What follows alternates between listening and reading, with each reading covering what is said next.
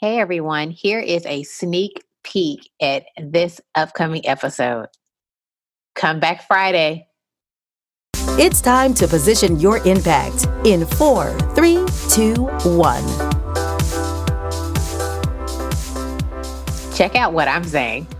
It's not that easy. It's not that easy. It's a habit. If it's something Right. you've been saying to yourself over and over and over and over again for one year, two years, 10 years, three years, five years, whatever, it is a habit that you have created.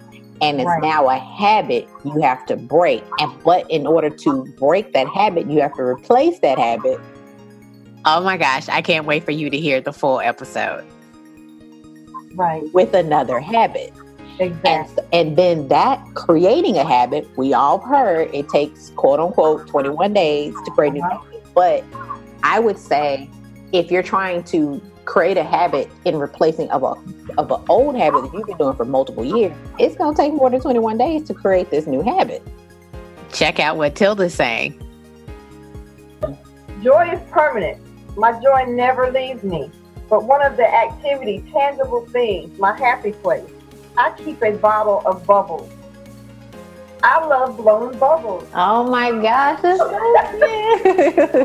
when I keep a bottle of bubbles on my desk. So sometimes during the day, I will pick up that bottle and open that bottle and take the little blower, the little wand, there's the wand that comes in the bottle, and I blow bubbles.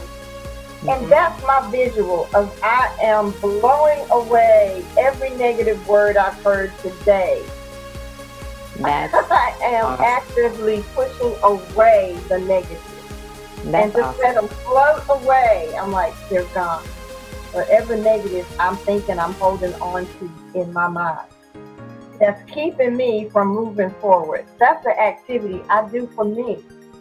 theimpactmentor.com slash podcast.